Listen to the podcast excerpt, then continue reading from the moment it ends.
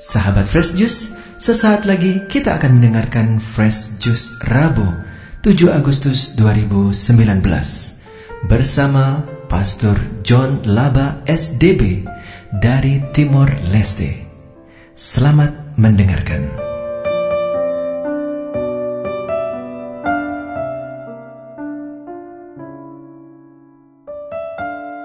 Saudari dan saudara yang dikasih Tuhan, kita berjumpa lagi dalam Daily Fresh Juice pada hari ini, hari Rabu pekan biasa yang ke-18. Bersama saya Pastor John Laba SDB. Sumber inspirasinya saya ambil dari Injil Matius bab 15 ayat 21 sampai 28. Sekarang saya bacakan.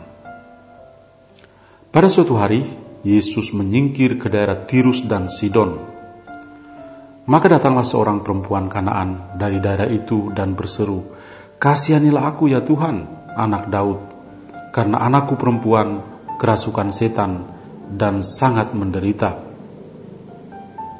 Tetapi Yesus sama sekali tidak menjawabnya. Lalu murid-muridnya datang dan meminta kepadanya, Suruhlah ia pergi.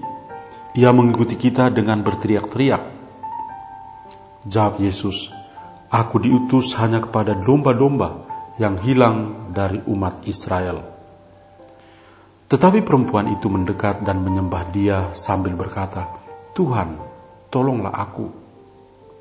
Tetapi Yesus menjawab, tidak patut mengambil roti yang disediakan bagi anak-anak dan melemparkannya kepada anjing. Kata perempuan itu, benar Tuhan, namun anjing itu makan remah-remah yang jatuh dari meja tuannya. Maka Yesus menjawab dan berkata kepadanya, Hai ibu, besar imanmu, maka jadilah kepadamu seperti yang kau kehendaki. Dan seketika itu juga anaknya sembuh. Demikianlah Injil Tuhan kita. Terpujilah Kristus.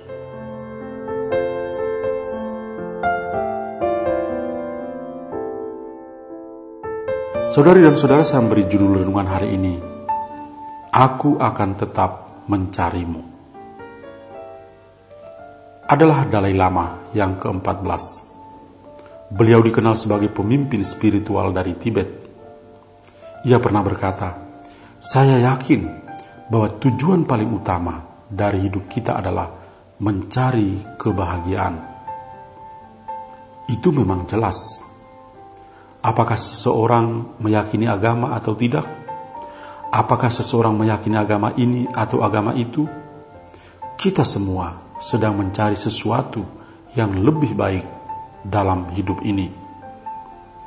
Maka saya pikir gerakan paling dasar dari hidup kita adalah menuju kebahagiaan.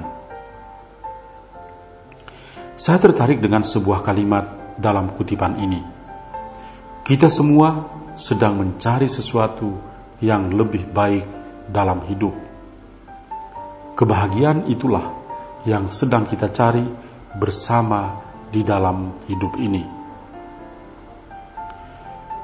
Hidup ini adalah sebuah pencarian akan makna hidup. Tuhan Yesus berkeliling dan berbuat baik dengan cara mencari dan menyelamatkan orang-orang berdosa pada hari ini penginjil Matius melaporkan bahwa Yesus mencari dan menyelamatkan jiwa di daerah Tirus dan Sidon. Kedua tempat ini berada di sekitar 50 mil di bagian utara Israel saat ini. Pada saat ini, daerah ini dikenal dengan negara Libanon modern. Dikisahkan bahwa ada seorang wanita bukan Yahudi dalam hal ini wanita Kanaan, dia tanpa disebutkan namanya, datang mendekati Yesus dan memohon bantuannya. Ia berseru, kasihanilah aku, ya Tuhan, anak Daud, karena anakku perempuan kerasukan setan dan sangat menderita. Tuhan Yesus seolah-olah tidak memperhatikan wanita ini, sehingga para muridnya merasa malu dan meminta Yesus untuk menanggapinya. Sebenarnya Tuhan Yesus sedang menguji sekaligus membangkitkan iman dari sang wanita kanan ini. Reaksi Tuhan Yesus terungkap dalam perkataan, Aku diutus hanya kepada domba-domba yang hilang dari umat Israel. Wanita kanan itu tidak peduli. Dia sangat konsisten karena percaya bahwa Tuhan Yesus akan melakukan yang terbaik bagi anaknya yang sedang sakit, sehingga ia tetap memohon belas kasih darinya. Tuhan, tolonglah aku. Yesus mulai membuka ruang bagi wanita ini untuk melakukan sebuah perjalanan iman. Ia berkata, "Tidak patut mengambil roti yang disediakan bagi anak-anak dan melemparkannya kepada anjing. Apa makna ungkapan melempar roti kepada anjing? Konon orang-orang Israel bersikap stereotip dalam berbicara dengan orang-orang non-Israel. Mereka dengan sombongnya mengatakan bahwa orang-orang non-Israel itu atau orang-orang non-Yahudi adalah anjing haram. Mengapa demikian?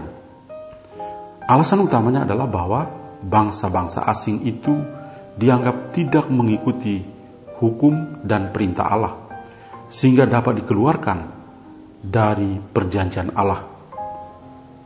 Tidak ada keselamatan bagi mereka. Orang-orang Yunani melihat anjing sebagai simbol penghinaan, sekaligus sebagai gambaran bahwa wanita kanan ini tidak tahu malu dan berani untuk meminta sesuatu kepada Yesus. Sebenarnya, Tuhan Yesus sedang menguji iman wanita ini, sekaligus melihat apakah wanita ini sungguh-sungguh menerima hal-hal suci dari tangan Tuhan Allah yang kudus melalui Yesus Kristus putranya. Wanita kanan beriman dengan sangat cerdas dan memberi jawaban yang pasti kepada Yesus. Benar Tuhan, namun anjing itu makan remah-remah yang jatuh dari meja tuannya. Wanita ini lulus ujian iman dari Yesus, sehingga ia memang layak untuk menjadi pontefice, jembatan keselamatan bagi anaknya. Dalam hal ini, imannya itu menyembuhkan anaknya yang sedang sakit. Apa yang hendak kita pelajari dari wanita kanan ini? Pertama, wanita kanan ini menunjukkan dirinya sebagai sosok pemberani dalam mencari dan menemukan Tuhan Yesus dengan imannya. Sikapnya inilah yang membuatnya layak mendapat pujian dari Tuhan Yesus. Hai ibu, besar imanmu, maka jadilah kepadamu seperti yang kau kehendaki. Pujian layak baginya karena iman dan cintanya tertuju hanya kepada Tuhan Yesus. Kedua, wanita kanan ini menjadikan penderitaan anaknya sebagai miliknya sendiri. Dia rela menderita, rela ditolak untuk memperoleh kesembuhan bagi anak yang dikasihnya. Dia memiliki kegigihan dalam berjuang untuk keselamatan dan kesembuhan anaknya. Imannya tumbuh dalam kontak dengan pribadi Yesus secara langsung. Dia memulainya dengan sebuah permintaan, dan dia juga berlutut dalam doa sambil menyembah Allah yang hidup di hadapannya. Tidak seorang pun yang pernah mencari Yesus dengan iman yang tulus seperti wanita kanan ini.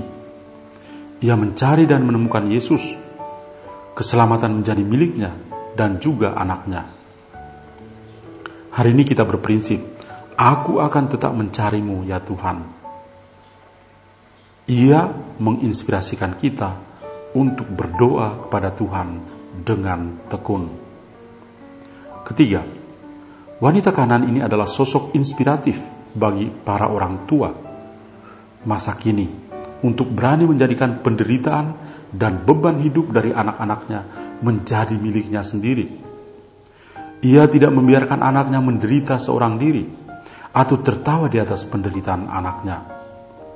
Ia akan mengorbankan diri demi keselamatan dan kebahagiaan anaknya. Mari kita tetap mencari dan menemukan Tuhan dalam pengalaman hidup harian kita. Kita bersatu dengan Tuhan dalam doa tanpa henti, seperti wanita Kanaan dalam Injil hari ini. Kita berlutut di hadirat Tuhan sambil memohon belas kasih dan kerahimannya, karena kita juga orang berdosa. Di dalam diri orang yang menderita, kita melihat wajah Yesus sendiri. Kita juga turut menunjukkan wajah belas kasih Allah kepada sesama yang menderita. Marilah berdoa.